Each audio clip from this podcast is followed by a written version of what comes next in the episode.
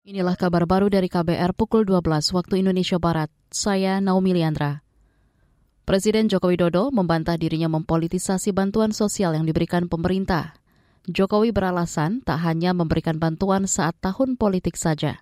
Selain itu, kata Jokowi, tambahan anggaran yang digelontorkan untuk bantuan sosial telah disepakati parlemen.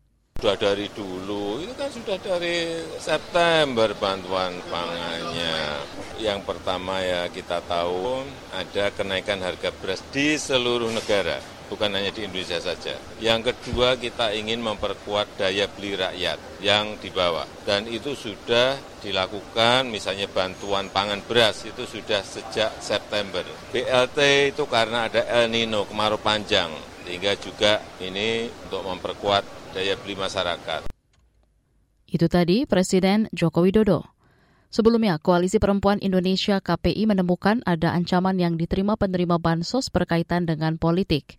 Sekretaris Jenderal KPI Mikawati Feratangka menyebut ancaman berupa intimidasi kepada pemilih untuk memilih calon tertentu pada pemilu 2024. Selain KPI, berbagai pihak juga menuding bansos jadi alat elektoral. Kabar Pemilu Kabar Pemilu Badan Pengawas Pemilu Bawaslu mengendus dugaan pidana pemilu dalam kasus ribuan nama ganda di daftar pemilih tetap luar negeri DPTLN di Johor Bahru, Malaysia. Mengutip antara, anggota Bawaslu Pusat, Loli Suhenti, mengatakan sedang menangani kasus tersebut dan kini sedang berproses. Ia meminta masyarakat menunggu karena hasilnya pasti akan disampaikan ke publik. Kemarin LSM Migran Care kembali melaporkan 3 ribuan lebih nama ganda di DPTLN Johor Bahru, Malaysia. Direktur Eksekutif Migran Care Wahyu Susilo menyebut ada 3.200-an nama dengan alamat dan umur yang sama. Ia mengaku pelanggaran ini berulang dan kerap dilaporkan ke Bawaslu namun tidak ada sanksi tegas. Beralih ke mancanegara, militer Myanmar didesak segera mengakhiri kekerasan terhadap warga sipil. Desakan ini disampaikan sejumlah negara dan Perserikatan Bangsa-Bangsa PBB saat memperingati tiga tahun kudeta di Myanmar. Mengutip Antara, Desakan disampaikan dalam pernyataan bersama antara lain oleh Amerika, Kanada, Inggris, Korea Selatan, dan Uni Eropa. Dalam pernyataannya, mereka menyebut kekerasan terhadap warga sipil meningkat di Myanmar.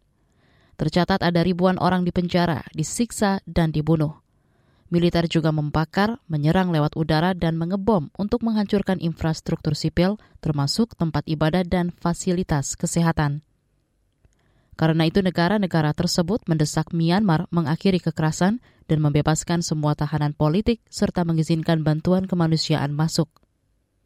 Kudeta militer di Myanmar terjadi 1 Februari 2021. Saat itu junta menggulingkan pemerintahan Aung San Suu Kyi. Saudara, demikian kabar baru dari KBR pukul 12 waktu Indonesia Barat.